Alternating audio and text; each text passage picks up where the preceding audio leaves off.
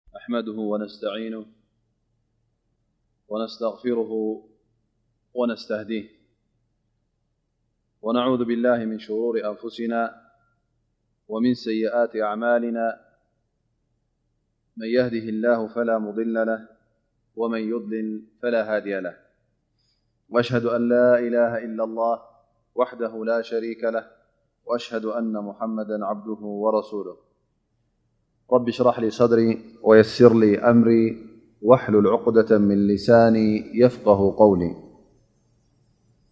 اللهم انفعنا بما علمتنا وعلمنا ما ينفعنا وزدنا علما والحمد لله على كل حال أما بعد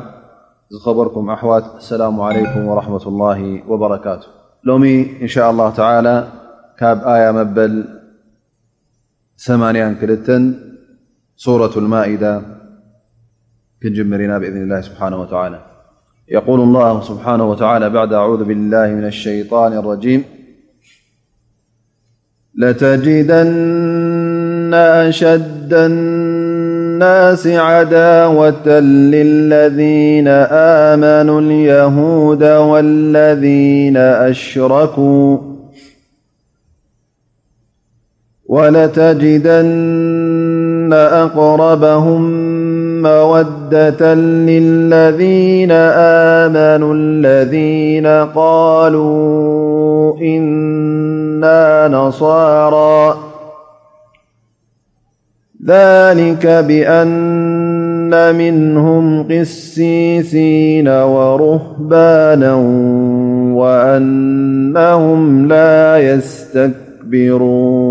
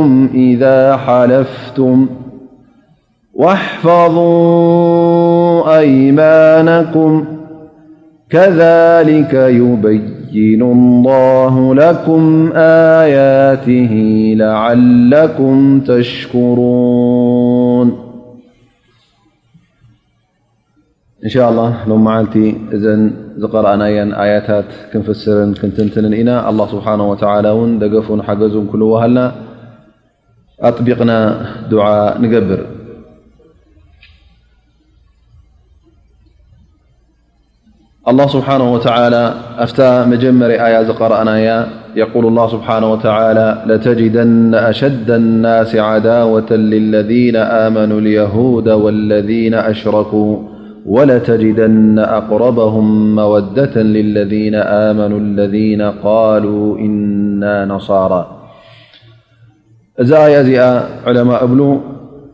أمن ورد أب النجاشي النبي صلى الله عليه وسلم نبعل جعفر بن أبي طالب نحبشا خهجر مس أززم اقن مس هجر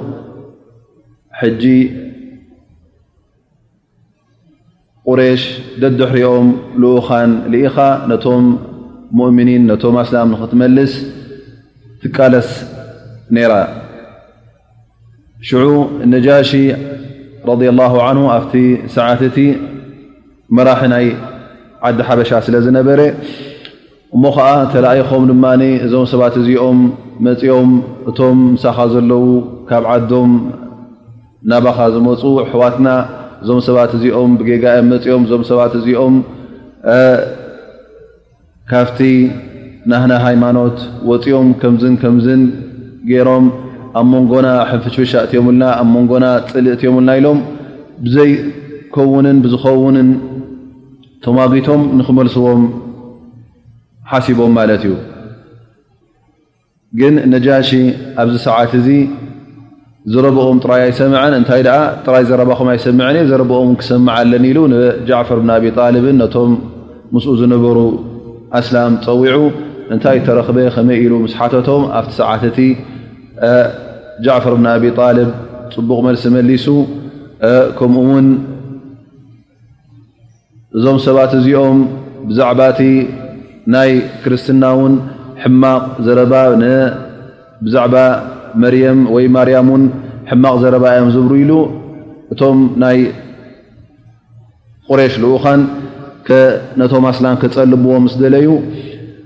ጃዕፈር ብን ኣቢ ጣልብ ንሕና እቲ ናህና መርገፅ ብዛዕባ ናይቲ ዝሓለፈ ዲን ናይ ዒሳ ይኹን ናይ ሙሳ ይኹን ናይ ሰይዳ መርየም እነቢ ስለ ላ ለ ወሰለም ካብ ኣላ ስብሓን ወተዓላ ዝወረዶም ቃል ኣለና ኢሉ ሱረት ልካሃፍ ምስ ቀረአ እቲ ኣያታት ክሰምዑ እንከለዉ እቲኦም ምሰ ነጃሽ ነበሩን ነጃሽ ንገዛእ ርእሱ ውን ክነብዑ ተራእዮም ስለዚ እዛ ኣያ እዚኣ ብዛዕባኦም ዝወረደት እያ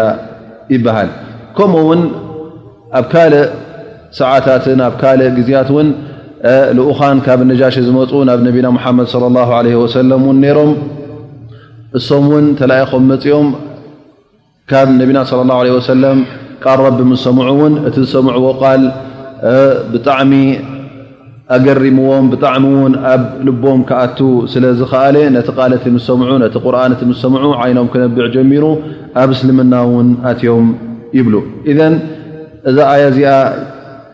ብቐንዲ ብሓፈሽኡ እቲ ናይ ወይ ከኣ እቶም ክርስትያን ከመይ ከም ተቐበልዎ ነቲ ዲን ኣልእስላም ንኡ ተብርህ ክትከውን ከላ ኣብ ርእሲኡ ድማ ኣብቲ ግዜ ነቢና ሙሓመድ ለ ላ ለ ወሰለም እተረኽበ ብዙሓት ካብዞም ሰባት እዚኦም ካብቶም ክርስትያን እውን ነቲ ቃል ኣላ ስብሓን ወተላ ነቲ ናብ ነቢና ሓመድ ለ ላ ለ ሰለም ዝወረደ ቁርን ምስ ሰምዑ እውን ብቐጥታ ናብ እስልምና ከም ዝኣተዉን እቲ ዝሰምዕዎ ቃል እውን ኣብ ልቦም ከም ዝኣተዎም ከምኡ ውን ከም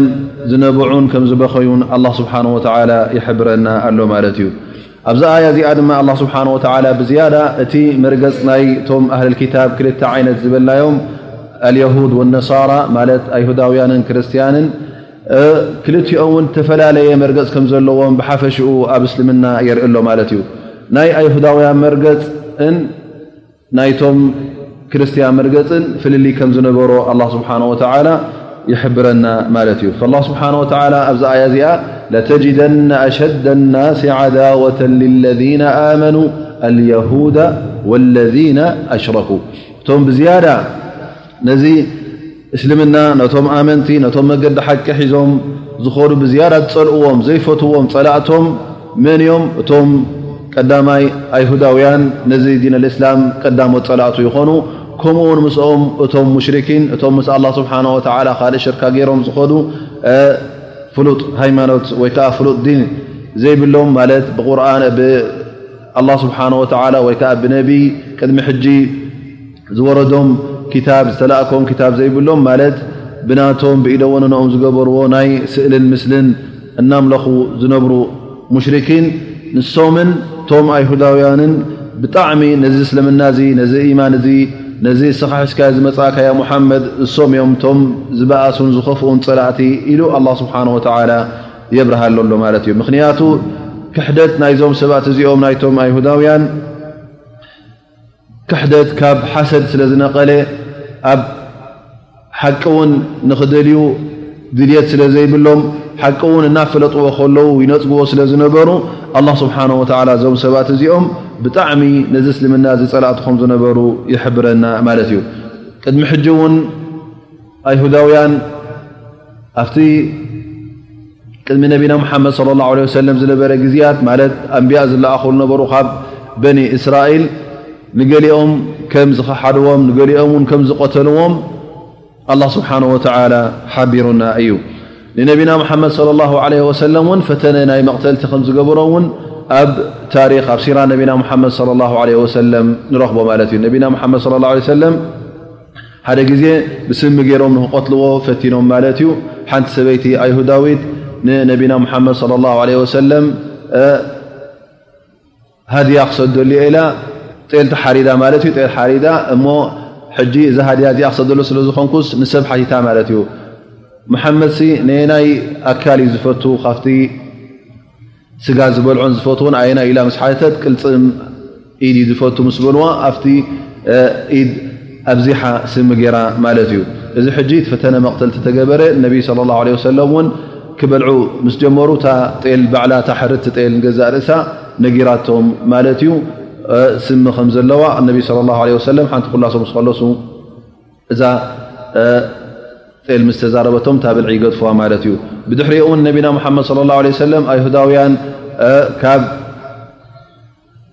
ልዕሊ ገዛ እምኒ ደርብዮም ኣብ ርእሶም ክቐትልዎም ክጭፍጭፍዎም ውን ሓሲቦም ነይሮም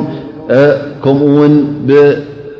ስሕር ገይሮም ብጥበብ ብናይ ጠቢብ ተግባር ገይሮም ውን ነቢና መሓመድ ስ ሰለም ክጎድእዎምን ክቐትልዎምን ይሓስቡ ነይሮም ግን ኣላ ስብሓን ወተላ ንነቢና መሓመድ ስለ ላ ለ ሰለም ስለ ዝሓለዎም ፈፂሞም እቲ ድልዮቶም ክረኽቡ ኣይከኣሉን ስለዚ እቲ ዝኸፍአ ፅልኢ እቲ ዝበእሰ ፅልኢ እቲ ዝዓበየ ፅልኢ ምስ መን ነይሩ ማለት እዩ ምስቶም ኣይሁዳውያን ነዚ እስልምና እዚ ብጣዕሚ ይፀልዎ ነይሮም ማለት እዩ እቲ ታሪኾም ኩሉ ቅድሚ ሕጂ ዝነበረ ቅድሚ ነቢና ሙሓመድ ስ ሰለም ዝነበረ ድሕሪ ነቢና ሙሓመድ ስ ሰለም ምልኣኾም እውን ኩሉ እንተ ተንቲና ክንሪኦ ኮይና እዞም ሰባት እዚኦም ብጣዕሚ ነቲ ዲን ልእስላም ዝፀልእዎ ከም ምዃኑን ዘይፈትዎ ከም ምዃኑን ኣላ ስብሓን ወተዓላ ሓቢሩና ብግብሪ እውን እተረኣየዩ እቲ ታሪኾም እውን ኩሉ ግዜ ፀሊም ታሪክ ከም ዝነበረ ታሪክ ዘይርስዖ እዩ ብኻልኣይ ሸነኽ ግን ኣላ ስብሓን ወተዓላ ክልቲኦም ኣህለል ክታብ እንከለዉ ቶም ክርስትያን ቶም ዝቐረቡ ናብ ዲን ኣልእስላም ዳዕዋ እተገበርካዮም እንተገበርካሎም እውን ቅሩባት ዝኾኑ ክርስትያን ከም ምዃኖም ኣላ ስብሓን ወተዓላ ይሕብረና ማለት እዩ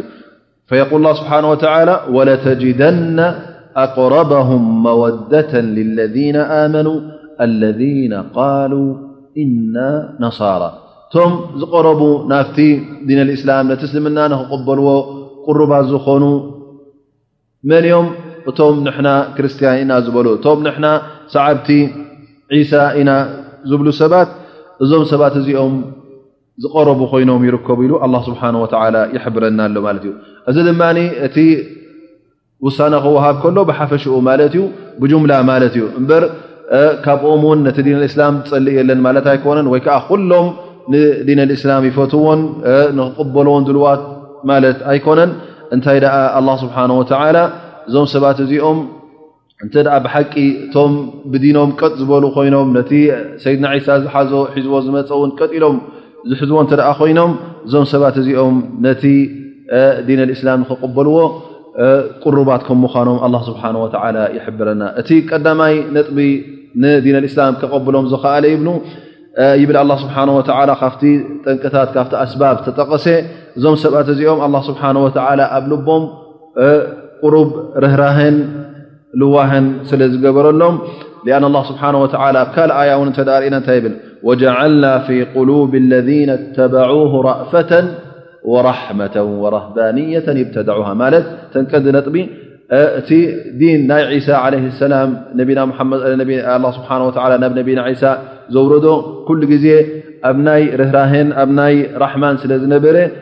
እሞቶም ብሓቂ ንነብላ ዒሳ ተኸተሉ ልቦም ርህሩህን ራሕማን ድህራህን ልዋሃን ዘለዎ ከም ዝገበሩ ኣላ ስብሓን ወተላ ይሕብረና ማለት እዩ ምኽንያቱ ኣብቲ ክታቦም ን እንተደኣ ርኢኻ ኩሉ ግዜ ጎንፂ ንኸይገብሩ ትእዛዝ ኣሎ ማለት እዩ ከምኡ ውን እቲ ኩሉ እና ንፈልጦ ብየማናይ ገፅካ ዝወቕዓካ እንታይ እዮም ዝብሉ ፀጋማይ ገፅካ ውን ሃቦ ብለኡብልኻ ማለት እዩ ማለት ንሓደ ሰብ ፀፋዓካስ ብከምታ ዝፀፍዕካ ፅፍዒት ኣይትምለሰሉ እንታይ ደኣ እቲ መቕፃዕቲ ወይ ከዓ እቲ ኣንፃርካ ዝወደቀ ሽግር ተቐበሎ ማለት እዩ ተፀመሞ ማለት እዩ ስለዚ ከምዚ ዝብል ርእቶን ከምዚ ዝብል መርገፅን ስለ ዘለዎም እዞም ሰባት እዚኦም ነቲ ሓቂ ንክቕበሉ ድልዋት ከም ምዃኖም ኣላ ስብሓን ወተላ ይሕብረና ሊክ ኣላ ስብሓ ወ ኣብዚ ኣያ እዚኣ ይብል ስለምንታይ እዮም እቶም ዝቆረቡ ኮይኖም ናብ ዲን ኣልእስላም ንክኣት የቁል ሊከ ብኣነ ምንሁም ቅሲሲና ቀዳማይ ነገር እዞም ሰባት እዚኦም ኣቕሽሽቲ ኣለውዎም እዞም ኣቕሽሽቲ እዚኦም ድማ ፍልጠት ክወስዱን ከምኡ ውን ነቲ ሃይማኖት ንክመርሑ ድልት ስለ ዘለዎም ከምኡውን ሩህባነን ከምኡ ውን ሩህባን ኣለዎም ሩህባን ክበሃል ከሎ ድማ መን እዮም እቶም ብትግርኛ ን ሞነኮስ ዝብልዎም ማለት እዩ ሞነኮሳት ወይ ከዓ መናንያን እቶም ኣብ ደብሪ ኣብ ገዳም ዝነብሩ ማለት እዩ እዚ ሰብ እዚ ሕጂ እንታይ ዝገብር ኣብኡ ራህብ ኮይኑ ማለት መነኮስ ኮይኑ ጥራይ ንዒባዳ ንፀሎት ካብ ሰብ ርሒቑ ካብ ንብረት ናይ ኣዱንያ ርሒቑ ናብ ፀሎት ስለ ዝኾነ ናብ ኣላ ስብሓን ወተዓላ ንክቐርብ ድልት ስለ ዘለዎ እዚ ሰብ እዚ ሕጂ እንተ ደኣ ብናይ ኣላ ነገር ብናይ ዮም ቅያማ ብናይ ስቃይ ብናይ ዓዛብ ብናይ ፍርሂ ካብ ኣላ ስብሓን ወተላ ቅሩብ ስለ ዝኾነ መገዲ ሓቂ እንተ ተመሪሑስ ንመገዲ ሓቂ ንኽቕበል ድሉው ከም ምዃኑ ኣላ ስብሓን ወተላ ይሕብረና ማለት እዩ ሊከ ብኣነ ምንሁም ቅሲሲና ወሩህባናን እዚኤን ክልተኤን ሳልሳይ ድማ ወኣነሁም ላ የስተክብሩን ከምኡ ውን እንታይ ኣለዎም እቲ ብዝያዳ ካብቶም ኣይሁዳውያን ዝምረፅሉ እዞም ሰባት እዚኦም ትዕቢት የብሎምን ኣይሁዳውያን ኩሉ ግዜ እቲ ሃይማኖቶም ንገዛእ ርእሱ ናቶም ጥራይ ኮይኑ ዝስምዖም ከምኦም ካልእ ሰብ ንክኸውን ውን ኣይደልዩን እዮም እቲ ናይ ኣይሁዳውያን እውን ብትውልዲ ተኣሳሰረ እዮም ዝገብርዎ ማለት እዩ ካብኦም ሓሊፉ ናብ ካልእ ክሰግር እውን ኣይደልይዎን እዮም ግን እቶም ክርስትያን እዚ ዓይነት እዚ ስምዒት ስለ ዘለዎም ትዕቢት ስለ ዘይብሎም እቲ ሒዞሞ ዘለዉ ዲን እውን ኩሉ ግዜ ናብ ትሕትና ስለ ዝመርሖም እዞም ሰባት እዚኦም ዳዕዋ ክትገብረሎም ከለኻ ቃል ኣላ ስብሓን ወላ ክተስምዖም ከለኻ ፅን ኢሎም ስለ ዝሰምዑ ብትሕትና ስለ ዝሰምዑ እዞም ሰባት እዚኦም ንምንታይ ቅሩባት ይኾኑ ሓቂ ንክቕበሉ ቅሩባት ይኾኑ ሊከ ብኣነ ምንም ቅሲሲና ወሩህባና ወኣነሁም ላ የስተክብሩን ከምኡ ውን ፈፂሞም ትዕቢት የብሎምን ኢሉ ኣላ ስብሓን ወላ ይሕብረና ማለት እዩ ስለዚ እዞም ሰባት እዚኦም ነቲ ዲኖም ንክፈልጡ ኣቕሽሽቲ ኮይኖም ክመሃሩ ድልት ስለ ዘለዎም ከምኡ ውን ፍፁም ህወቶም ኩሉ ንኣላ ስብሓን ወተላ ክህቡ ኣብ ደብርን ኣብ ግዳምን ዝነብሩ መነኮሳት ስለ ዘለዎም እዞም ሰባት እዚኦም ናብ መገዲ ሓቂ ንክምርሑ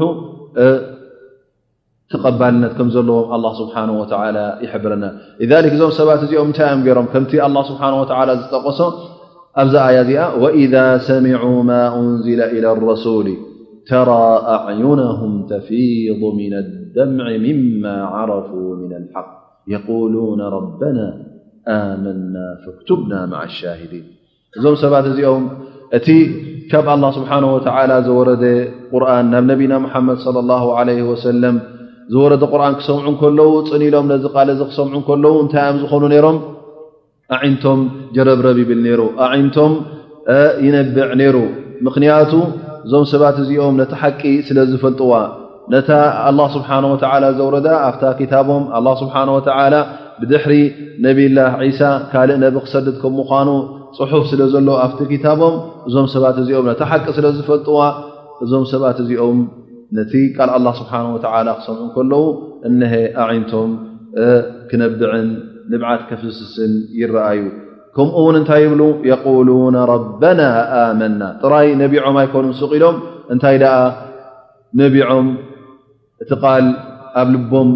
ምስ ተሰቆሮም ብቃሎም ውን ነቲ ኢማኖም ከም ዘረጋገፁ ኣላ ስብሓን ወተላ ይሕብር የቁሉነ ረበና ኣመና ፈክቱብና ማዓ ሻሂዲን ኣንታ ኣላ ኣንታ ረበና ኣንታ ጎይታና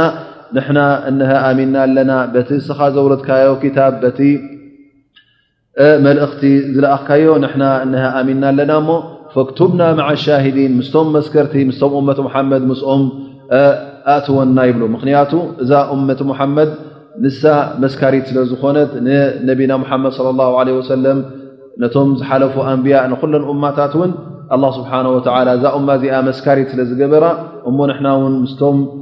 ብነቢና ሙሓመድ ለ ላ ሰለም ዝኣመኑ ብኡ ዝመስከሩ ምስኦም ሓውሰና ኢሎም ዱዓ ይገብሩ ቃል እውን ይኣትዉ ስለዚ እዞም ሰባት እዚኦም ከምዚ ዓይነት እዚ ተቐባልነት ከም ዘለዎም ኣላ ስብሓን ወተላ ይሕብር ኣብ ካልእ ኣያታት እውን እንተ ርእና ንኣብነት ኣብ ሱረት ኣል ዕምራን ኣብ መጨረሻ ኣል ዕምራን ኣላ ስብሓን ወተላ እንታይ ይብል ወእነ ምን ኣህሊ ልክታብ ለመን ዩእምኑ ብላሂ ወማ እንዝላ ኢለይኩም وما أنزل إليهم خاشعين لله لا يشترون بآيات الله ثمنا قليلا أولئك لهم أجرهم عند ربهم إن الله سريع الحساب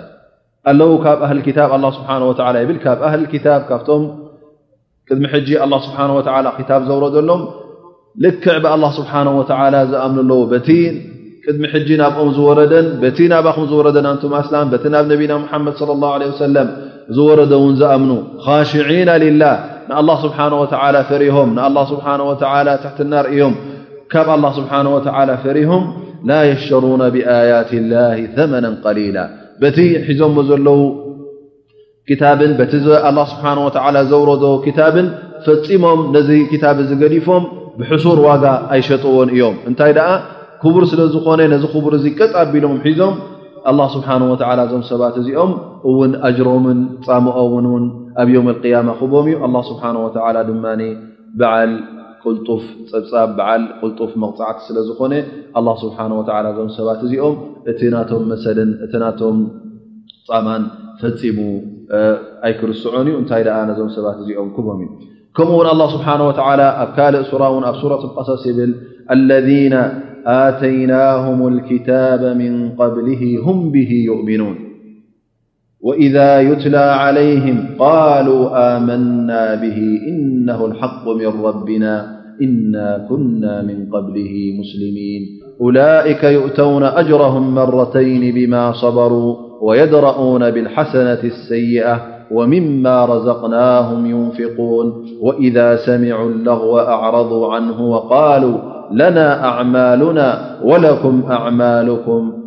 ሰላሙ ዓለይኩም ላ ነብተغ ጃሂሊን ከምዚ ውን ከም ዝብሉ ኣላ ስብሓን ወተላ ይሕብር እዛ ኣያ እዚኣ እንተ ርእና እውን ይብሉ ኣብ ግዜ ነቢና ሙሓመድ ለ ላ ለ ወሰለም ክርስትያን መፂኦም ነይሮም ማለት እዩ እዞም ክርስትያን እዚኦም ድማ እንታይ እዮም ተላኢኾም ማለት እዩ ብንጉሶም ተላኢኾም ምስ መፁ ኪዱ እዚ ሰብ እዚ እዚ ነብየ ዝብል ዘሎ ሰብሲ እንታይ ከም ዝብል ዘሎ ሰሚዕኩም ምፁና ተባሂሎም ማለት እዩ ናብ ነቢና ሙሓመድ ለ ላሁ ለ ሰለም ተላኢኾም ምስ መፁ ቃል ኣላ ስብሓን ወተላ ምስ ሰምዑ ድማ እንታይ ገይሮም ነቲ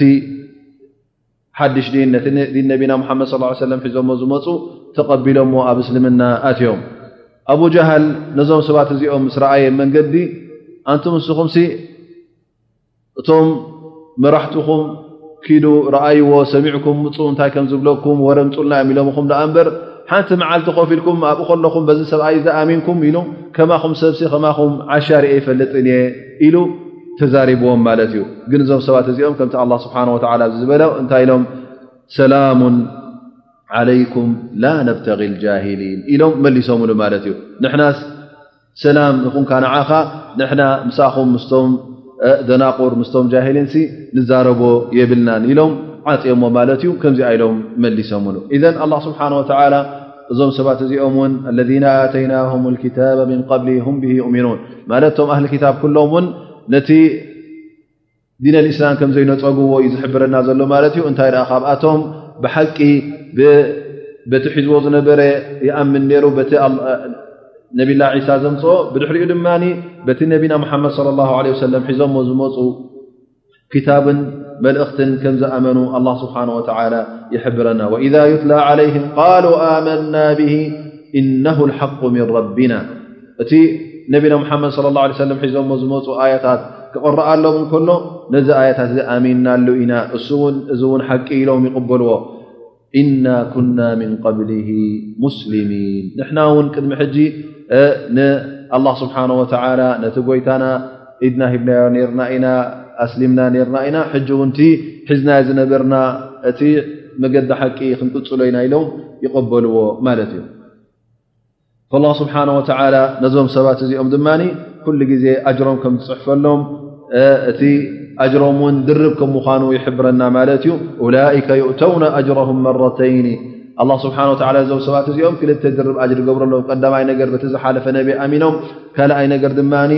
በቲ ሓድሽ መልእኽቲ ክኣምኑ ከለዉ ኣላ ስብሓን ወተላ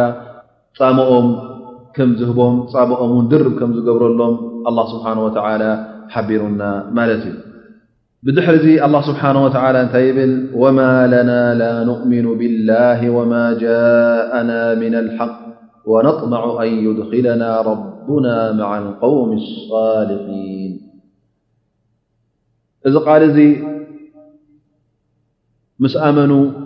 መገዲ ሓቂ ምስ ሓዙ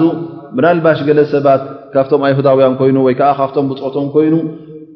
እንታይ ኸንኩም ኣሚንኩም ስለምንታይ ኣሚንኩም ዝበሎም ሰብ ነይሩ ስለ ዝኾነ እዞም ሰባት እዚኦም እንታይ ይምልሱ እንታይ ኢሎም ይምልሱ ወማ ለና ላ ኑእምኑ ብላህ እንታይ ኮይና ኢና ብኣላ ስብሓን ወተላ ዘይንኣምን ክንኣምን ኣለና እበር ግዴታ ወማ ጃእና ምን ልሓቅ እቲ ሓቂ ዝመፀና ድማ ግዴታ ክንኣምነሉ ኣለና ምክንያቱ እዚ መፅኡ ዘሎ ሓቂ እዩ እቲ ለኣኽ ድማ ጎይታና ኣላ ስብሓን ወተላ ስለ ዝኾነ ንሕናስ ዘየእምን ነገር እንታይ ኣለና ኢሎም ይምልሱ ወነጥመዑ ኣን ዩድኪለና ረቡና ማዓ ልቀውሚ ሳልሒን ከምኡ ውን ንሕና እቲ ንደልዮ እቲ ንጠልቦ እውን ኣላ ስብሓን ወተላ ምስቶም ብሉፃት ምስቶም ንፁሃት ምስቶም ሳልሒን ምስቶም ፃደቓት ዝኾኑ ሰባት ኣላ ስብሓን ወተላ ምስኦም ኣሕቢሩ ኣብ ሓደ ቦታ ንኸእትወና ኣብቲ ጀና ንኸእትወና ኣብቲ ርህራህናቱ ኣብቲ ራሕመቱ ንኸእትወና ኢና ንጠልብ ኢሎም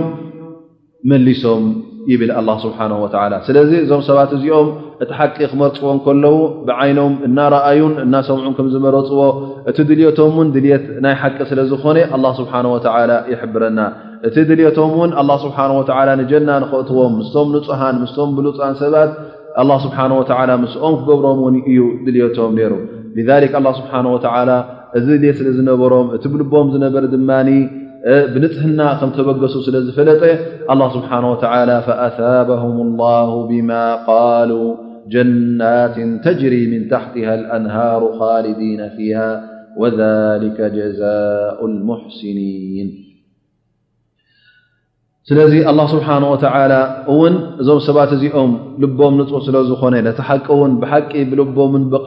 ብቓሎምን ብተግባራምን ስለ ተቐበልዎ ኣላ ስብሓን ወተላ በቲ ዝመረፅዎ ጀና ከም ዘሕለፎም ይሕብረና ማለት እዩ እዚ ጀና እዚ ድማ ተጅሪ ምን ታሕቲ ኣንሃር ብትሕቲኡ በቢ ዓይነቱ ፈለጋት ዝፈስስ በቢ ዓይነቱ ውሓዚ ዘለዎ ኣላ ስብሓን ወተላ ኣብኡ ከም ዘእተዎም ኻሊዲና ፊሃ ንመዋእሎም ድማ ዘየቋርፅ ኒዕማ ዘየቋርፅ ሽሻይ ዘየቋርፅ ፍስሃ ከም ዝረኽቦም ኣላ ስብሓን ወተላ ይሕብር ማለት እዩ ኣበም ላ ብማ ቃሉ እቲ ኣላ ስብሓን ወተላ ዝሃቦም እቲ ኣላ ስብሓን ወተላ ዝኽሓሶም ዓብይ እ ከም ዝነበረ በብ ዓይነቱ ጀናታት ከም ዝነበረ ሓንቲ ጀናት ዘይኮነት ጀናት ጀናትን ተጅሪ በብ ዓይነቱ ጀናታት ብትሕቲኡ በብዓይነቱ ፈለጋት ዘለዎ ኣላ ስብሓን ወተዓላ ኣብዚ ቦታ እዚ ከም ዘእተዎም ንዋእሎም እውን ክነብሩ ከም ምዃኖም ይሕብረና ማለት እዩ ወየኽትሙ ላ ስብሓን ወተላ እዚ ኣያ ድማ ብምንታይ ይውድኣ ወሊከ ጀዛኡ ልሙሕስኒን ኣላ ስብሓን ወተዓላ ነቶም ገበርቲ ሰናይ ነቶም መገዲ ሰናይ ዝመረፁ ነቶም መገዲ ር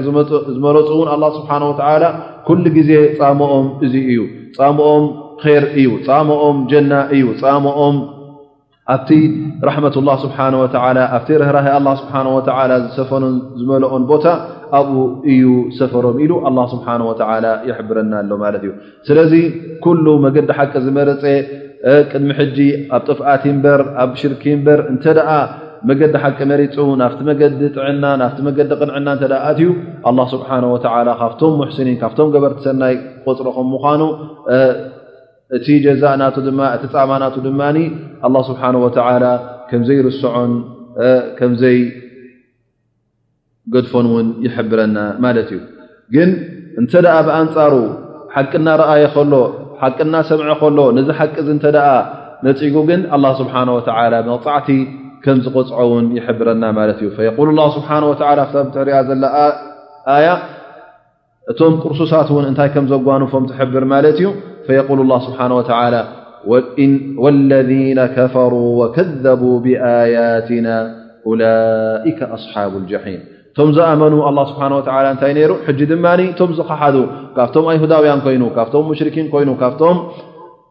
ክርስትያን እውን ኮይኑ እንተ ደኣ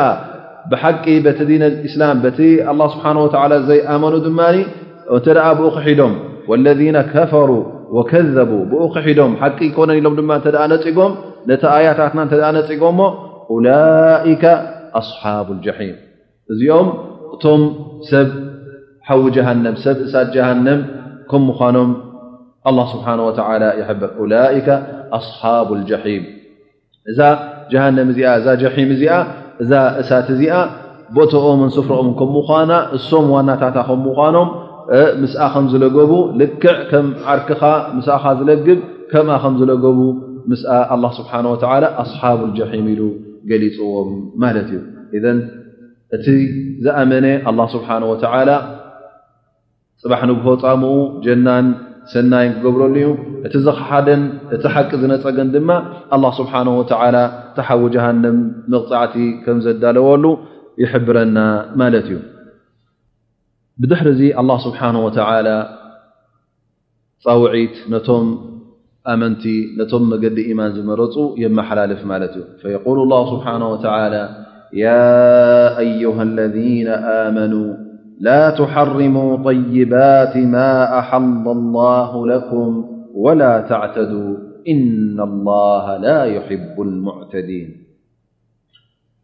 ኣንቱም ዝኣመንኩም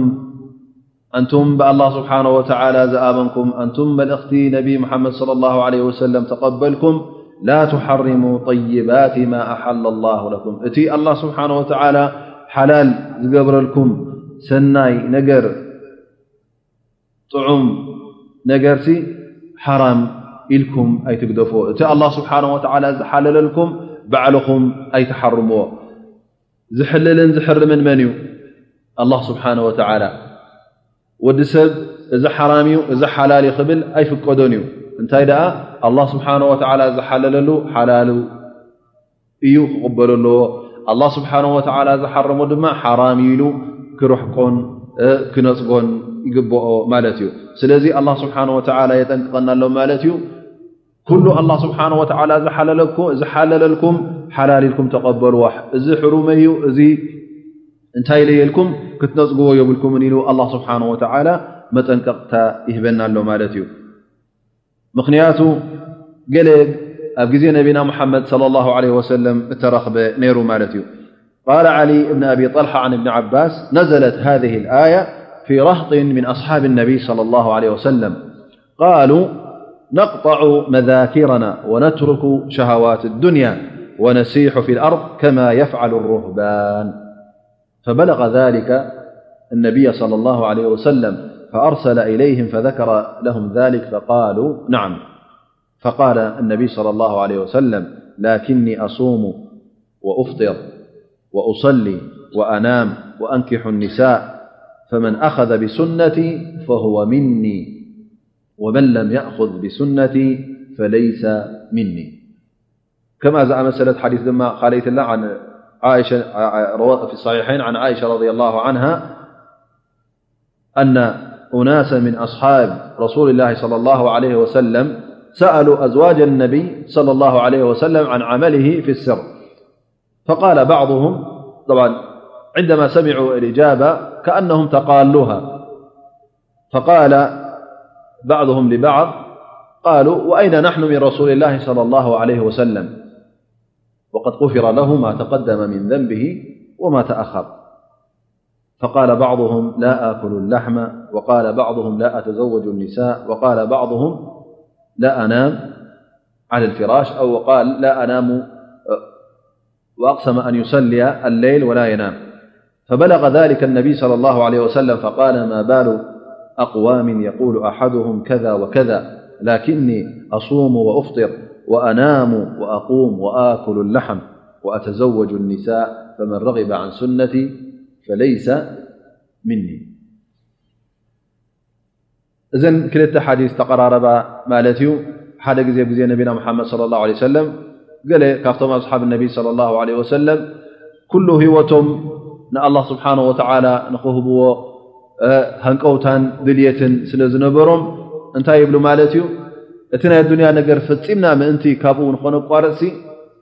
ንሕናስ እንታይ ንግብር ኢሎም ብልዒትና ንቑረፅ ምእንቲ ናብ ናይ ደቂ ኣንስትዮ ድልት ንኸይ መፀና ከምኡ ውን ነሲሑ ፊልኣርድ ናብ ፈቐድኡ ፈቐዱ ዓዲ ንፍለስ ፈለስቲ ክኾኑ ወይ ከዓ መነኮሳት ክኾኑ ልክዕ ከምቲ ሩህባን ከምቶም መነኮሳት ዝገብርዎ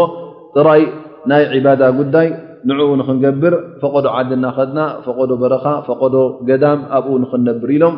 ተዛሪቦም ማለት እዩ እነቢ صለ ላه ለ ወሰለም እዚ ቓል እዚ ምስ ሰምዐ ይፅውዖም ማለት እዩ ንዑስኪ ይብሎም እስኹም ዲኹም ከምዚ ኢልኩም ከምዝን ከምዝን እወ ይብሉ እሞ ኣነ ደኣ ይምርዖ ይወልድ ይበልዕ ይፀውም ይድቅስ ይሰግድ ስለዚ እንተ ብሓቂ ናይ ኣላ ስብሓን ወተዓላ ፍቶ ትደልዩ ኮንኩም ሪዳ ናይ ኣላ ስብሓን ወተላ ጠልቡ እንተ ኮንኩም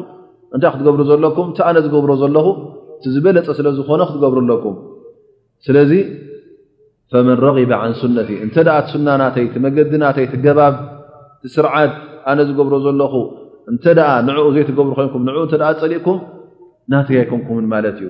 ናተይ ሱና እተ ተኸትልኩም ግን ካባይ ኢኹም ምሳይ ኢኹም ኣላ ስብሓን ወተላ ድማ ክረድየልኩም እዩ ካልይቲ እታ ሓዲስ ድማ እንታይ እያ ነራ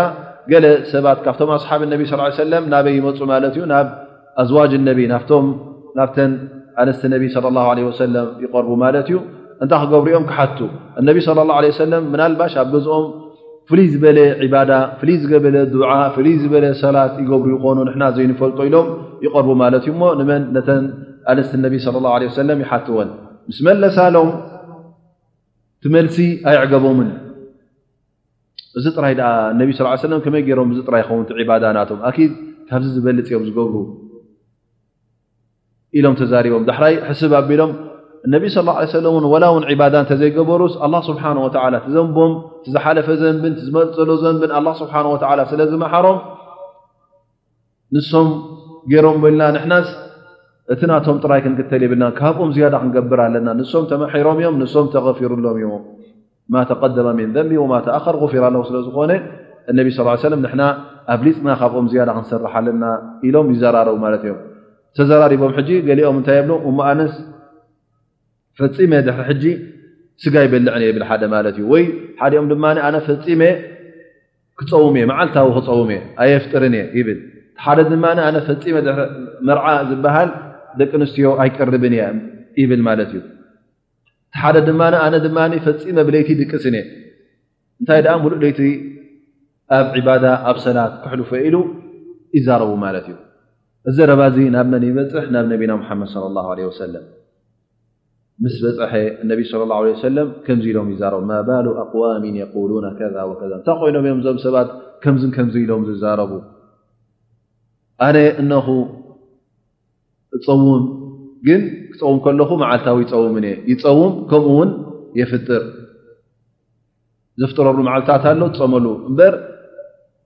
ቀፂለ ብዘይ ዕረፍቲ መዓልታዊ ፆም ዝበሃል ኣይፀውምን እየ ከምኡ እውን እነኾ ኣነ እውን ይምርዖ ኣንስቲ ኣለዋኒ ለይቲ ድማ ሙሉእ ለይቲ ኣነ ፈፂመ ኣብ ሰላት ኣይኮንኩን ዘሕልፎ እንታይ ደኣ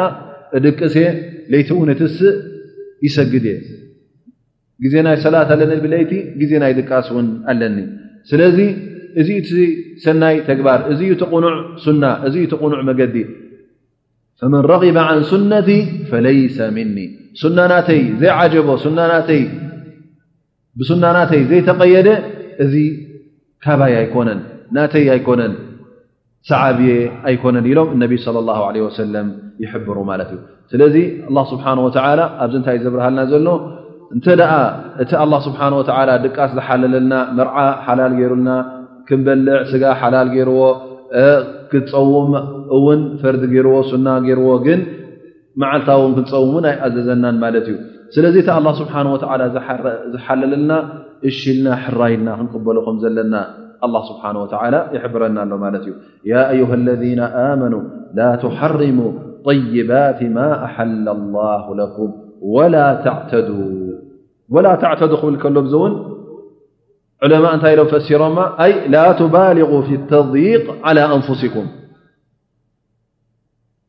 ገደብ ኣይተስገሩ እዩ ዝብለና ዘሎ እዚ ሕጂ ዚ ገደብ ምስጋር ብናልባሽ ወዲ ሰብ እንታይ ይሓስቦ ካብ ሓላል ናብ ሓራም ክትሰግር ከለኻ ገደብ ሰጊርካ ማለት እዩ ሕንፃፅ ሰጊርካ ኣለኻ ማለት እዩ ግን ካልእ ዓይነት ሕንፃፅ ምስጋር እውን ኣሎ እንታይ እዩ ኣላ ስብሓን ወተዓላ ዘየፅበበልካ እንከሎ ባዕልኻ ነብስኻ ክተፅበበላ ከለኻ እዚ ንገዛእ ርእሱ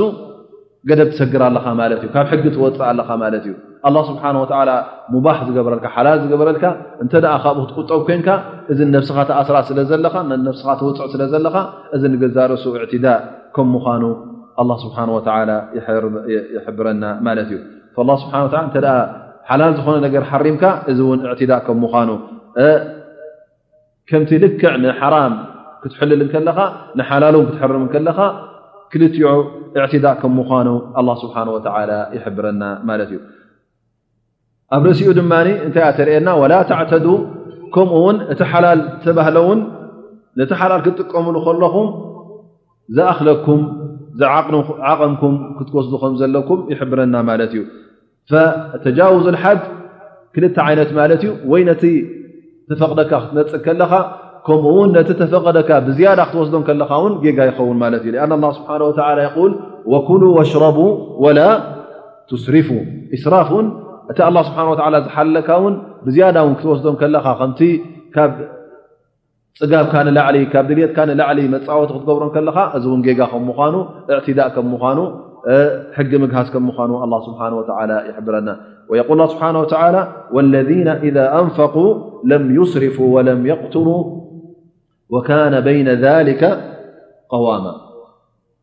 ማእከላይ ማለት እዩ ላ ስብሓን ወተላ ኩሉ ግዜ እቲ ሓላል እውን ክትወስዶ ከለኻ ብግቡእ ክትቅበሎ ከም ዘለካ ዓቕምካ ዓቕንኻ ንዓኻ ዝኸውን ንኻ ዝኣክል ሓላል ተባህሊ ክትወስድ ኣለካ ማለት እዩ እስራፍ ክትገብር የብልካን ብኮንቱ ነቲ ሓላል እውን ክተጥፍኦ ከምዘይብልካ ኣላ ስብሓን ወተላ ይሕብረካ ማለት እዩ እዘ ላ ስብሓን ወተላ እቲ እዕትዳእ ዝበሃል እቲ ሕጊ ምካት ዝበሃል ብብ ዓይነቱ ከም ምኳኑ ይሕብረና ማለት እዩ ኣብቲ ሓላል ንገዛእ ርእሱ ነቲ ሓላል ክትጥቀመሉ ከለኻ በቲ ኣላ ስብሓን ወተላ ዝሓበረካ ጌርካ ብኡ ክትከይድ ከም ዘለካ ፈየቁል ላ ስብሓን ወተላ ወኩሉ ምማ ረዘቀኩም ላ ሓላላ ጠይባ ወተቁ ላ ለذ ኣንቱም ብሂ ሙእሚኑን ኣብ ርእሲኡ ድማ ኣላ ስብሓን ወተላ እቲ ሓላል ዘብኡ እቲ ኣላ ስብሓን ወተላ ዝረዘቐኩም እቲ ኣላ ስብሓን ወተላ ዝሃበኩም ሽሻይ ሓላል ክኸውን ከሎ ማለት ብሓላል ዘምፃእካዮ ብመገዲ ሓራም ዘይኮነ ብስርቂ ዘይኮነ ብሓረጣ ዘይኮነ ብምጥፍፋእ ብምድንጋር ዘይኮነ ሓላል ከምኡ ውን ጠይብ ንነፍስኻ ዝኸውን ንኣካልካ ዝኸውን ንስውነትካ ዝኸውን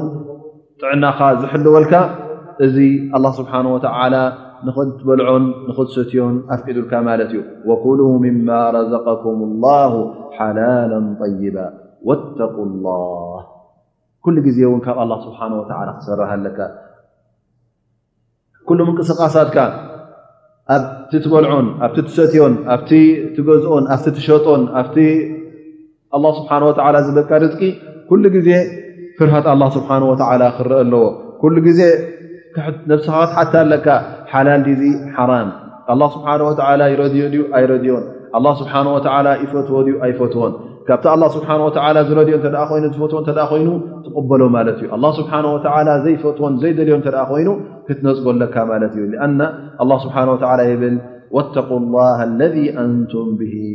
ሙእሚኑን እቲ ብሓቂ ኣሚንኩሞ ዘለኹም ኣላ ኣሚንኩምሉ ዘለኹም ኣላ ግዴታ ክትፈርህዎ ኣለኩም ብሓቂ ኢማን እንተደኣ ኣለኩም ኮይኑ እቲ ሱ ኣላ ስብሓን ወተላ ዝብለኩም ክትቅበልዎ ኣለኩም እቲ ኣላህ ስብሓን ወተዓላ እውን ዘጠንቀቐኩም ካብኡ ክትጥንቀቑ ኣለኩም ስለዚ ኢማን ኩሉ ግዜ እንታይ ናበይ እዩ ዝመርሓካ ናብ ፍርሃት ኣላ ስብሓን ወተዓላ እቲ ብሓቂ ኢማን ዘለዎ ሰብ ንኣላ ስብሓን ወተዓላ ዝኣምን ኩሉ ግዜ ካብ መገዲ ኣላ ስብሓን ወተዓላ ኣይወፅን እዩ እንታይ ደኣ መገዲ ኣላ ስብሓን ወተዓላ ሒዙ እዩ ዝኸይድ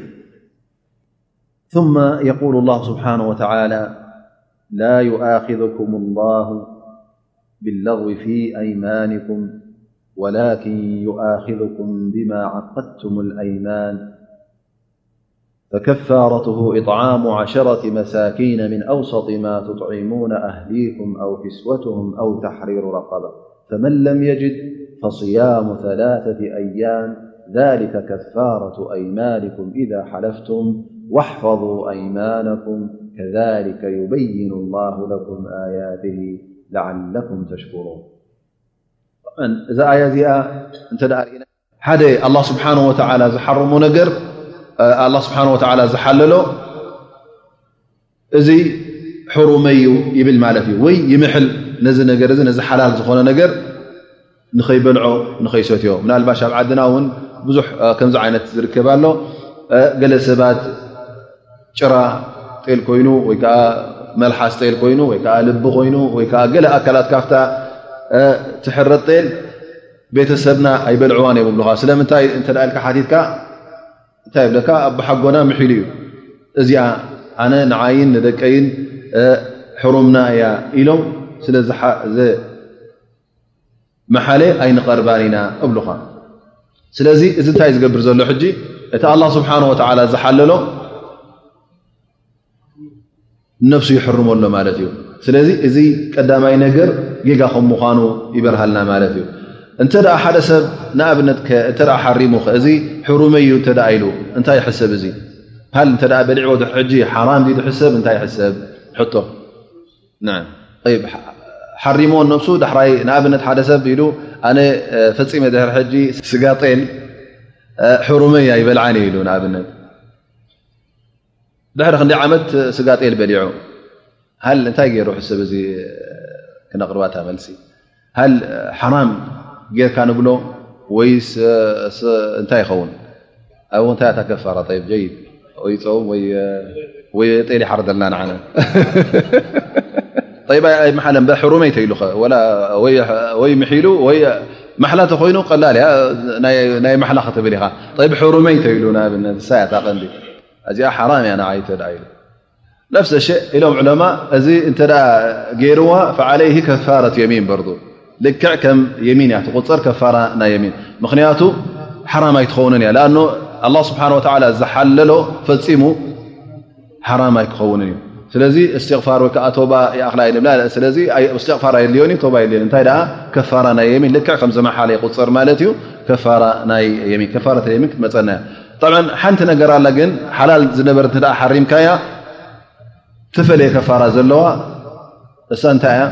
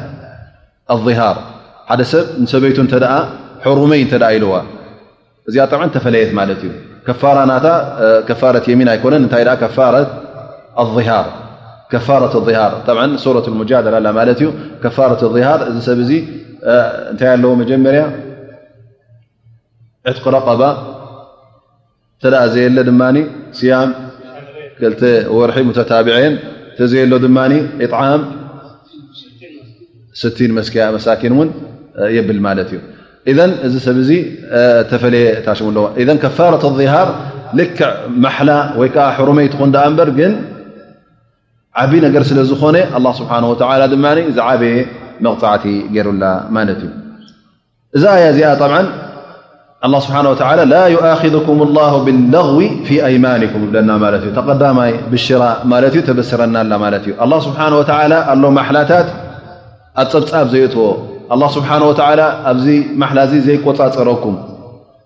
ስለምንታይ ምሒልኩም እውን ዘይብለኩም ምሑር ይምሕረኩም ማለት እዩ እሱ ከዓ ከመይ ማለት እዩ ሓደ ሰብ ገለገለ እናተዛረበ ከሎ ሓንሳ ሓንሳ ወላ ህባ ገለመታት ኢልካ ክትዛረብ ከለኻ ልምዲ ከም ልምዲ ዝወፀካ ማለት እዩ ኣነ እኮ ወላሂ ምገሽኩ ነይረ ብ ሕጂ ሓደ ሰብ ሕጂዛ ወላ ኢልዋ ዘሎ ኣብኡ ኮላ ኣብ ማእከል ዘረባ ይኣትያ ማለት እዩ ከም ወሽመጥ ይኣትያ ዳኣ እምበር ከም ማሓላ ኣይኮነን ኣቕሪብዋ ማለት እዩ ስለዚ እዚ ኣብኡ ከለኻ ብልምዲ ትብሎ ብቃል ትዛረቦ ካብ ልብኻ ዘይነቐለ ማሓላ ክኸውን ከሎ ኣላ ስብሓን ወተላ እዚ ምሒረኩም እየ ኢሉና ማለት እዩ ሕጂ እዚኣ ዓባይ ብስራት ትኸውን ማለት እዩ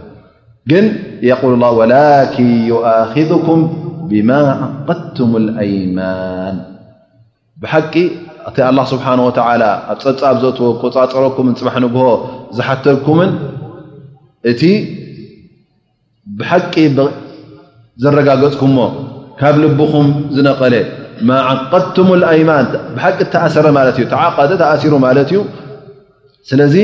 እዚ ነገር እዚ ኣረጋጊጽካዮ ማለት እዩ እንተ ከምዚ ዓይነት ማሓላ ኮይኑ ብሓቂ ብልብኻ ድሕሪ ሕጅስ እዛ ነገር እዚኣ ኣይገብራን እየ ኣብዛ ከምዚኣ ቦታ እዚኣ ኣይከይድን እየ ወይ ከዓ ከምዚ ነገር እዚ ኣይገብርን እየ ኢልካ እተ ምሒልካ ኣብ ሰዓት እዚ እተ ነዚ ነገር እዚ ጌርካዮ እንታይ ይኸውን ከፋራ ንክትገብር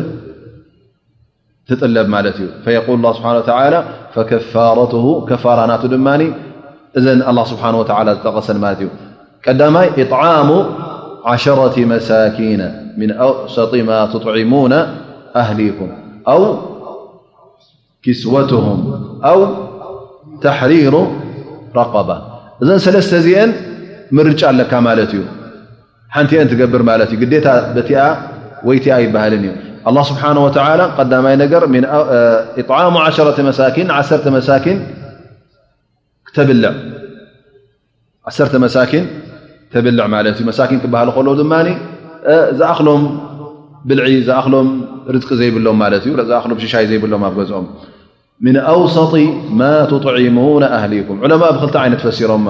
ምን ኣውሰጢ ማ ትጥዒሙና ኣህሊኩም ኢሎም ካብቲ ንስድራ ቤትኩም እተብልዕዎ ማእከላይ ብልዒ ካልእ ዑለማ ኢሎም ምን ኣውሰጥ ጋሉ ምን ኣጅወዲ ካብቲ ዝበለፀ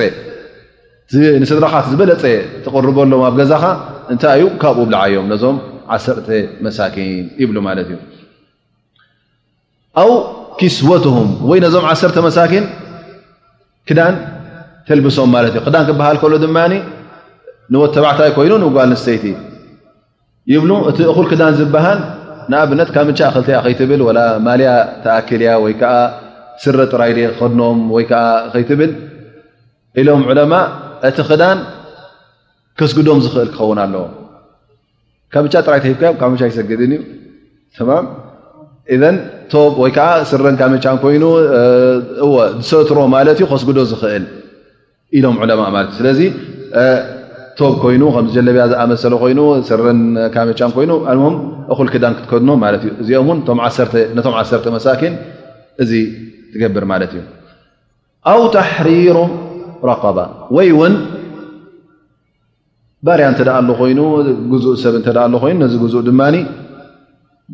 እተ ኣብ ትሕቲኻ ኣሎ ኮይኑ ናፃ ክትብሎ ወይ ከዓ ንዕኡ ገዚእካ ብገንዘብካ ናፃ ክትብሎ ጠብዓ ሸርጥ ናይዚ ድማ ረቐባ ሙእሚና ክትከውን ኣለዋ ብሙእሚን ዝኾነ ንዕኡ ናፃ ክትብል ኣለካ ማለት እዩ ኣን ጃ ፊ ሰሒሕ ሙስሊም ሓደ ግዜ እነቢ ስለ ላ ሰለም ሓደ ካብቶም ኣስሓብ እነቢ ኣነስ ናይ ዕትቅ ረቀባ ስለ ዘለኒ እሞ ኣነ ነዛ ምሳይ ዘላ ጃርያ ነዛ ምሳይ ዘላ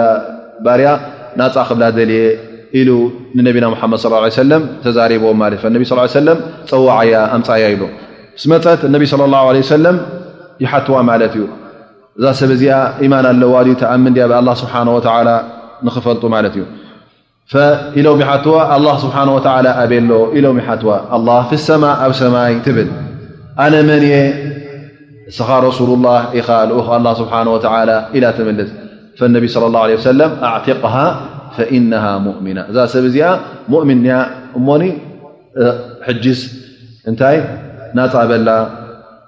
ኢሎም ነቢ ስለ ላ ለ ወሰለም ይሕብሮ ማለት እዩ እዘን ሸርጥ ናይዛ ኣያ እዚኣ እንታይ እያ ናይ ሕጥቅ ርቀባ ክኸውን ከሎ ማለት ንባርያ ሰብ ናፃ ክትብል ከለኻ ሙእሚን ክኸውን ኣለዎ እዘን እተን ሰለስተ ነገራት ሕጂ እጣዓም ዓሸረቲ መሳኪን ዓሰርተ መሳኪን ምዕንጋል ከምኡ ውን ወይ ምኽዳኖም ወይ ዕትቕ ረቐባ እዚአን ድላይካ ትገብር ሓንቲአን ትመርፅ ማለት እዩ ደስ ዝበለካ ምርጫ ኣለካ ማለት እዩ ላ ስብሓን ወተላ ካብቲ በቲ ቀሊል ጀሚሩልና ማለት እዩ ምናልባሽ እታ ሽሙ ከይትብል በቲ ቀሊል ተ ዝከኣል ኮይኑ ዓሰረተ መሳኪን ንሳ ትቐልል ካብ ዓሰርተ መሳኪን ምክዳን ዓሰርተ መሳኪን ምዕንጋል ምቕላብ እዩ ይኣክል ድሕሪኣ ድማ ምኽዳኖም ካብኡ ድማ ኣብታ ዝዓበየት ዕትቕ ረቐባ ጠቒሱልና ማለት እዩ ኣላ ስብሓን ወተላ እዘን ሰለስተ እንተ ደኣ ዘይረኸብካ ግን ናበይ ትሰግር ማለት እዩ ናብ ስያም ናብ ፆም ሰግር ማለት እዩ የብለይን ክትብል ከለኻ ከመይ ክኸውን ኣለዎ ጠይ ኣነ ይረኸብኩ እተ ክትብል ኮንካ ዓሰርተ መሳኪን ንኸተብልዕ የብለይን ክትብል እተ ኮይንካ ኢሎም እንተ ዓሰርተ መሳኪን ዘብልዕ የብለይን ክትብል ኮይንካ ግዴታ ንስድራይ ዘብልዕ መጀመርያ ክረከብ ኣለኒ ክትብል የብልካ ቀዳምነት ኢሎም ገለ ዕለማ ወላ ካብቲ ንስድራካ ኣትቦም ካብኡ እንተ ኣለካ ኮይኑ እቶም ዓሰርተ መሳኪን ንዕኦም መጀመርያ ሃብ ይብልዋ ገለ ዑለማ ኢሎም እንተ ካብ ክፋያ ናይ ስድራካ ዘሎ ካብኡ ንላዕሊ ኣለካ ኮይኑ እቶም ዓሰርተ መሳኪን ተብልዕ ማለት እዩ ብ ምናልባሽ ብሓንቲ መዓልቲ ክተብልዖም እተዘይከኣልካ እውን ግዴታ ኣይኮነን ንኣብነት ሓደ ሰብ እንተ መዓልታዊ ዝወስድ ኮይኑ መሃያ እታ ዝወስዳ መዓልታዊት እተ ንዕኦም ክቡን ኮይኑ ንሱ ከይተመሰሐ ክውዕል እዩ ስለዚ ንዕኡን ንዕኦምን እና መቐለ በብሓንቲ ናብ ዓሰርተ መዓልተ ዳኣ መቒልዎ እውን ምንም ሽግር የብሉን እዘን ርኽበት እንተ ኣለካ ኮይኑ ናይ ምኽዳን ኮይኑ ናይ ምቕላብ ኮይኑ እዚ ካባኻ ዝሕተት ማለት እዩ ስለዚ እንተ ዘይተረኸበን ኣበይ ትሰግር ናፍትእን ስያም ትሰግር ሕጂ ሓድሓደ ግዜ እንታይ ትሰምዕ ገለ ሰብ ተ ምሒሉ ገለ መለታት ንዓይ ላስ ከይተፁመና ገለ መለታት ይብለካ ቀዳማይ ኣብ ፆም ኸይድ ማለ ሰብ ልቡ ማለት እዩ መዓኑ መጨረሻ ዩ ከይድ ዘለዎ እቲ ናይ ስያም ስለዚ ቀዳምነት ናይ ስያም ኣይኮነን እንታይ ደኣ ናይቶም መሳኪን ምቕላብን ወይ ክዳን ምኽዳኖምን ወይ ረቐባ ወይ ከኣ ንሓደ ባርያ ናፃ ክትብል ኣለካ ብድሕሪኡ እዚ እንተ ዘይተኸኣለ ሓዲኡ እተ ዘይከኣልካ እንታይ ትገብር ንስያም ትሰግር ማለት እዩ ፈመን ለም የጅድ ፈስያሙ ላተ ኣያም ብ ዕለማ ኣብዛ ሰለስተ መዓልቲ እውን ኪላፍ ኣሎ ላተ ኣያም ሙተታቢዓት ኣም ሙተፈሪቃት ኢሎም ተፈላለዮም ገለ ዕለማ ተኸታተለ እዮም ዝበሉ ኣለዉ ላኪን ቅራኣ ናይ ኡበይ እብኒ ከዓብ እብኒ መስዑድ ኣስሓብ ክቐርዋ ከለዎ ነዚ ኣያ ፈስያሙ ላተ ኣያም ሙተታቢዓት እናበሉ ይቐርዎ ነይሮም እዘ ገለ ካብቲ ተፍሲር ናይ ኣስሓብ ነቢ ስለ ላ ሰለም ክኸውን ይኽእል እዩ ገለ እውን እሶም ካብ ነቢና ሓመድ ዝሰምዕዎ ክኸውን ይኽእል እዩ ስለዚ እዚ እውን ክንቅበሎ ይግበኣና ማለት ማ የቁል ላ ስብሓን ወተላ ሊከ ከፋረቱ ኣይማኒኩም ኢዛ ሓለፍቱም እዚ ዝሰማዕኩምሞ እዚ ዝተዋሃበኩም ቃል እሱ እዩ እቲ ነቲ ማሕላኹም ዝሽፍነልኩም ነቲ ማሕላኹም ኣብ ግብሪ ዘይውዓልኩሞ ማለት እዩ እንተ ኣብኡ ተጋጊኹም በዚ ኹም ትሽፍንዎ ኢሉ ኣላ ስብሓን ወተላ ሊከ ከፋረቱ ኣይማኒኩም እቲ ሸሪዓዊ መገዲ እዚ ከም ምዃኑ ኢሉ ውሳነ ይበና ማለት እዩ ላኪን ኣላ ስብሓን ወተላ ከምዚ ክብል እንከሎ እንታይ የረጋግፀልና ኣሎ ማለት እዩ ዋሕፈظ ኣይማነኩም ዕለማ ሰለስተ ዓይነት ሕፍظ ንማሓላኻ ተፅንዕ እተ ኮይኑ ማሓላኹም ኣፅንዑ እዩ ዝብል ዘሎ ስብሓ ወ ማሓላ ምፅናዕ ሰለስተ ዓይነት እዩ ይብሉ ማለት እዩ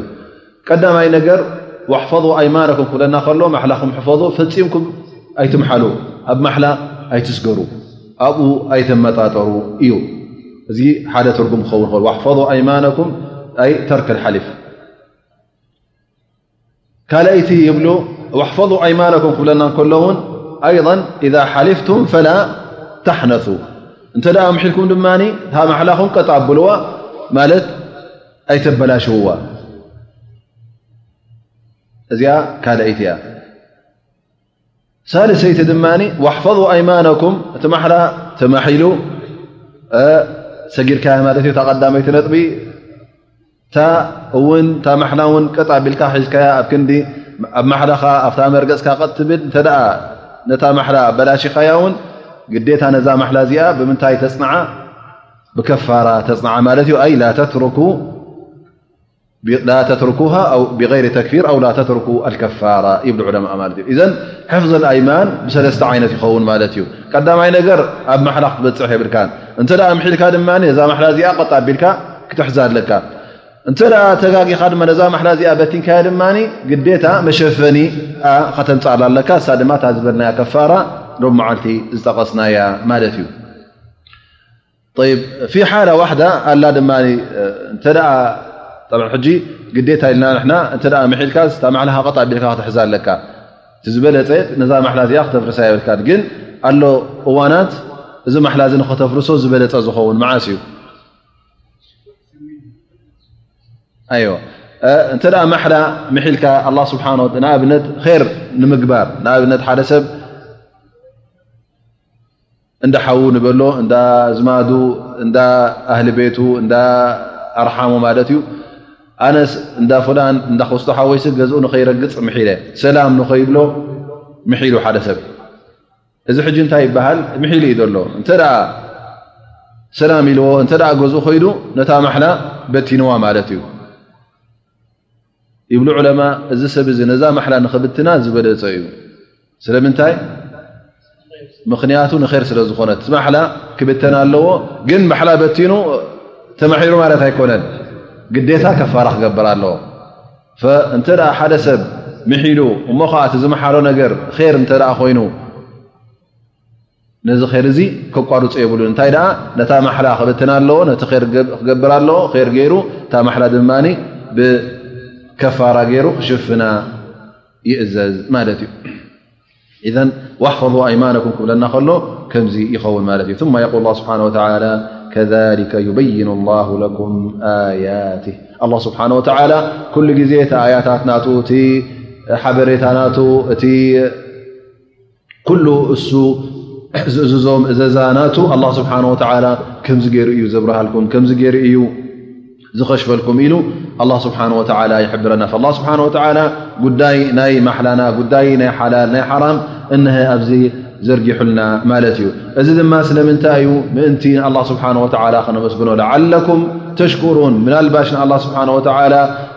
እቲ ኩሉ ዝህበኩም ዘሎ ሽሻይ እቲ ኩሉ ዝበኩም ዘሎ ሰናያት ምስ ረኣኹም ናብ ኣላ ስብሓን ወተዓላ ትምለሱ ንኡ ተመስግኑ እቲ ዝግብኦ እቲ መሰሉ እቲ ናቱ ኣምልኾት ኩሉ ንኣላ ስብሓን ወተዓላ ንኽትህቡ ንኣላ ስብሓን ወተዓላ ንኸተመስግኑ ኣላ ስብሓን ወተዓላ ንስኻስ ኩሉ ነገራት ሓቢርካና፣ ኩሉ ነገራት ኣርኢኻና፣ እቲ ሓቂ ኣብሪህካልና፣ እቲ ክንገብሮ ዘለና ኣብሪህካልና፣ እቲ ክንጥንቀቆ ዘለና ክንርሕቆ ዘለና ዝገደፍካ የብልካን ኢልካ ንኣላ ስብሓን ወተዓላ ብቃልካ ኮይኑ ከምኡ እውን ብተግባርካ ኮይኑ ንኣላ ስብሓን ወተዓላ ምእንቲ ከተመስግን ኣላ ስብሓን ወተዓላ እዚ ዝሰማዕካዮ ኣያታትን እዚ እዚ ኩሉ ክታብ ቁርን እቲ ነቢና ሙሓመድ ለ ላ ለ ወሰለም ንገዛእ ርእሶም ምስቲ ሒዞሞ ዝመፁ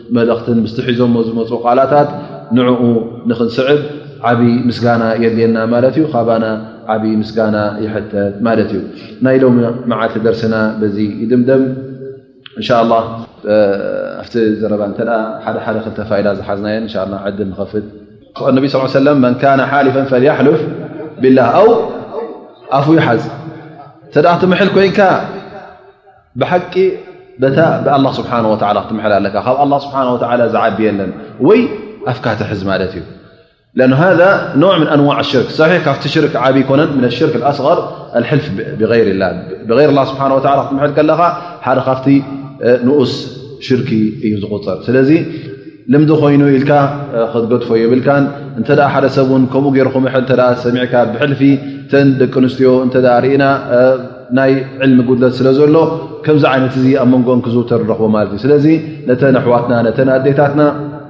ተገዲስና እዚ ከምዚ ዓይነት ማሓላ ጌጋ ከም ምኳኑ ኣላ ስብሓን ወላ ዘይፈትዎ ማሓላ ከም ምኳኑ ከነረድአን ይግበኣና ማለት ተ ክትምሐል ኮይና ብኣላ ስብሓን ወላ ትምሓል ተዘየሎ ድማ ኣፋ ተሓዝ ኣፍና ንሓዝ እዛ ኣልየሚን ኣልሙንዓቂዳ ትበሃል እዛ ናይ ሎም መዓልቲ እዛ ሎም መዓልቲ ዝወሰድናያ ክልተ ዓይነት ኢና ጠቂስና ለቕወ ልየሚን እዚ ስቁኢልካ ብልምዲ ትብሎ ወላ ወቢላ ትብሎ ካልይቲ ድማ እዛ ማሓላ ንመፃኢ ከምዚ ገብር ኢልካ ተምሐል ሳለሰይቲ የሚን ኣላ የሚን ልየሚን ኣልቀሙስ ትብልዋ ማለት እዩ እዚኣ ድማ እታ ዝኸፍአ እታ ዝዓበየት ማለት እዩ እሳ ድማ እታ ማሕላ ንሕሉፍ ዝሓለፈ ኣብ ዝሓለፈ ግዜ ተገበረ ማለት እዩ ዝገበርካዮ ኮይኑ ዝረኣኻዮ ኮይኑ ዝሰማዕካዮ ኮይኑ የሚን ኣልቀሙስ ዝተባህለት ስለምንታይ እዩ ኣነሃ ተቕሚሱ ሳሒበሃ ፊናር ምኽንያቱ ነቲ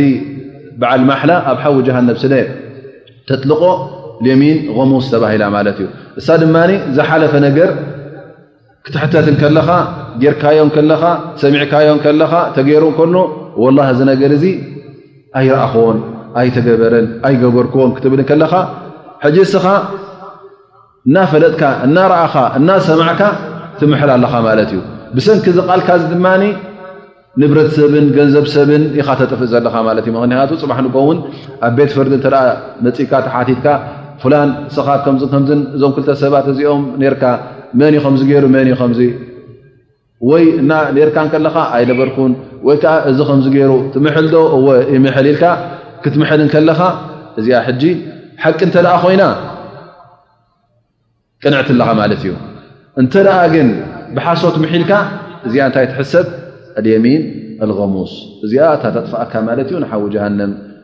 ተቐምሰካ ወይ ከዓ ተጥልቐካ እያ ስለዚ ከምዚ ክንፈላለ ኣለና ማለት እዩ ዝሓለፈ ክትምሐል ከለኻን ንመፃ ክትምል ከለኻን በበይኑ ከም ምዃን ኣ እቲ ናይ መፃኢ ኣብ ኢድካ ኣይኮነን ግን እስኻ እንታይ ኢኻ ትብል ዘለኻ እዚ ነገር እዚ ንኸይትገብሮ ትምሕር ኣለኻ ማለት እዩ። ስለዚ እቲ ተቐዲሩ ተፀኒሑ ተጋጊ ኢኻ ትገብሮ እቲ ዝሓለፈ ግን ኣብ ኢድካ እዩ ዘሎ ሰሚዕካዮ ኢኻ ርኢኻዮ ኢኻ ትፈልጦ ኢኻ ማለት እዩ። ስለዚ ኣብ ማሕላ ክትደናገር ከለኻ እዚ ሕጂ ዓብይ ዘንቢ ስለ ዝኾነ ነቢ ስለ ላ ለ ሰለም ካብዛ የሚን ካብዛ ማሓላ እዚኣ ድማ ኣጠንቂቖም እዮም። بز دم إن شاء الله ل معلت درسن دمدم سبحانك اللهم بحمدك وأشهد أ لاله إلا أنت أستغفرك واتوب ليك